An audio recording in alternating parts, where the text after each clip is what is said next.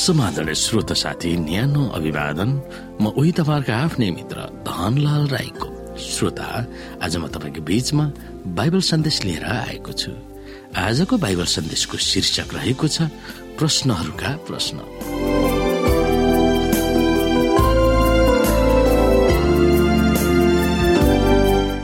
श्रोत साथी यथार्थमा हामी को हौ? हामी यहाँ किन छौँ? जब हाम्रो देहान्त हुन्छ तब हामी के हुन्छौँ?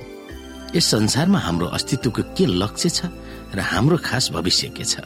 हामी मरणशील मानिसहरूको निम्ति ती प्रश्नहरू अत्यन्तै महत्वपूर्ण छन्। पशु पन्छीहरू पनि मरणशील छन् तर आफूहरू मरणशील छ भनेर तिनीहरूलाई थाहा हुँदैन। बाइबलमा लुकाको सुसमाचारमा एकजना मानिस आएर यसोलाई अत्यन्तै निर्णायक प्रश्न गरेको उल्लेख गरिएको छ।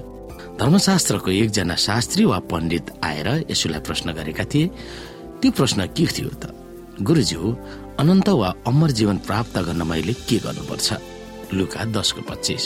प्रश्न जतिसुकै गम्भीर भए तापनि बाइबलले स्पष्ट रूपमा बताउँछ कि त्यो पण्डित यसुलाई जाँच्न आएका थिए। कतिपय समयमा परमेश्वरलाई विश्वास नगर्ने वा विश्वासमा आनाकानी गर्ने मानिसहरू हाम्रो जीवनमा आउँछन् र खेलाची तरिकाले प्रश्नहरू पनि गर्छन्। तर तिनीहरूलाई हामीले गम्भीर भएर जवाब दिनु पर्दछ ताकि तिनीहरूको दिमागमा परमेश्वर प्रतिको आस्थाको घन्टी बजियोस्।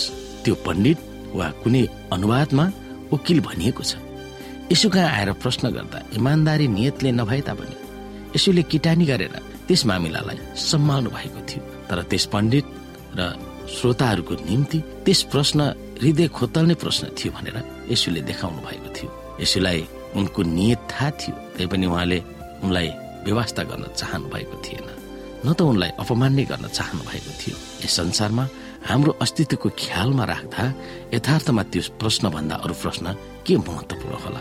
अनन्त जीवन पाउन वा अमर जीवन पाउन मैले के गर्नुपर्छ? हाम्रो धार्मिक विधि वा धर्म कर्म गर्ने क्रियाकलापको पछाडि त्यही निर्णायक प्रश्न झुन्डिरहेको हुन्छ। त्यसको विपरीत हाम्रो जीवनको वास्तविक अर्थ नै के छ र? किनभने हाम्रो जीवन बाफ जस्तै हो। एकछिनमा देखा पर्छ र अर्को क्षणमा बिलाएर जान्छ। याकुब चारको चौध पद। अनन्त जीवन वा अमर जीवनको अर्को विकल्प के छ त?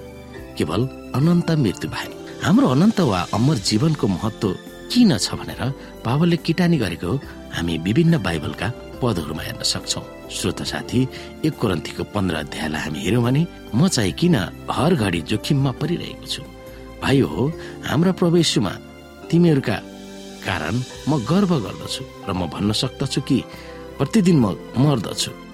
मान्छेकै कुरा गर्नु भने एफिसमा जंगली जनावरसँग मेरो लडाईँले मलाई के फाइदा भएर? मृतकहरू जीवित नहुने भए त हामी खाउँ र पिउँ किनभने भोलि त हामी मरिहाल्छौँ। श्रोत साथी जुनसुकै नियतले त्यस पण्डितले यसलाई प्रश्न गरे तापनि त्यो प्रश्न सबैको निम्ति निर्णायक प्रश्न थियो। आफ्नो लक्ष्यलाई मानिसहरूको सामु राख्ने प्रत्येक मौका खोजिरहनु भएकोले त्यस प्रश्नलाई मानिसहरूकै हृदयलाई खोतल्ने गरेर जवाब दिनुभएको थियो।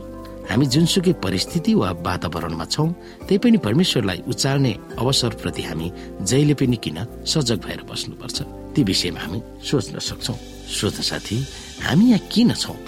जब हाम्रो देहान्त हुन्छ तब हामी के हुन्छौ भन्ने प्रश्नमा साँच्चै नै हामी यहाँ परमेश्वरको महिमा र परमेश्वरको आराधनाको निम्ति हामी संसारमा छौँ र हाम्रो देहान्तपछि हामी अवश्य पनि हाम्रो कामको प्रतिफल सहित हामी स्वर्ग या नर्क जाने भन्ने कुरा तय हुन्छ।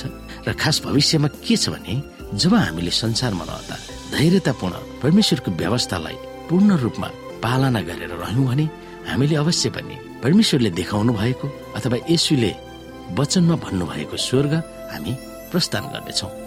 जुन स्वर्गमा अहिले उहाँ हुनुहुन्छ र उहाँले हाम्रो निम्ति धेरै ठाउँ तयार पारिरहनु भएको छ र ज जसले त्यो शर्त पुरा गर्नेछन् उनीहरूसँग परमेश्वर हुनुहुनेछ। यो हाम्रो मरणशील शरीर कतिजनाले अमरत्व धारण गरे झै संसारमा जिरहेका छन्। जीवनको वास्तविकतालाई नबुझेर उनीहरूले अमर जीवन धारण गरे झै संसारमा कुनै पनि किसिमको धर्म दान मोक्ष गर्दैन। जब उनीहरूको अन्तिम दिन आउनेछ अथवा त्यस अन्तिम घडीलाई उनीहरूले बुझ्नेछन् तब उनीहरूको निम्ति त्यस समय ढिलो भइसकेको हुनेछ र उनीहरू स्वर्ग प्राप्त गर्नबाट वञ्चित भइरहेको हुनेछ।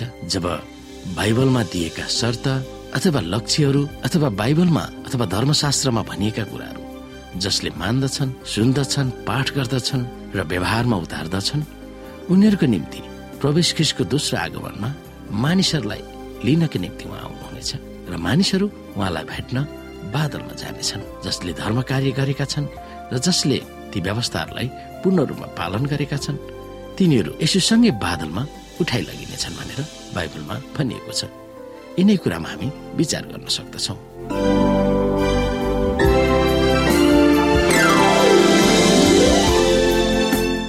श्रोता साथी आजको लागि बाइबल सन्देश यति नै। हस्त नमस्ते। जय मसिंह।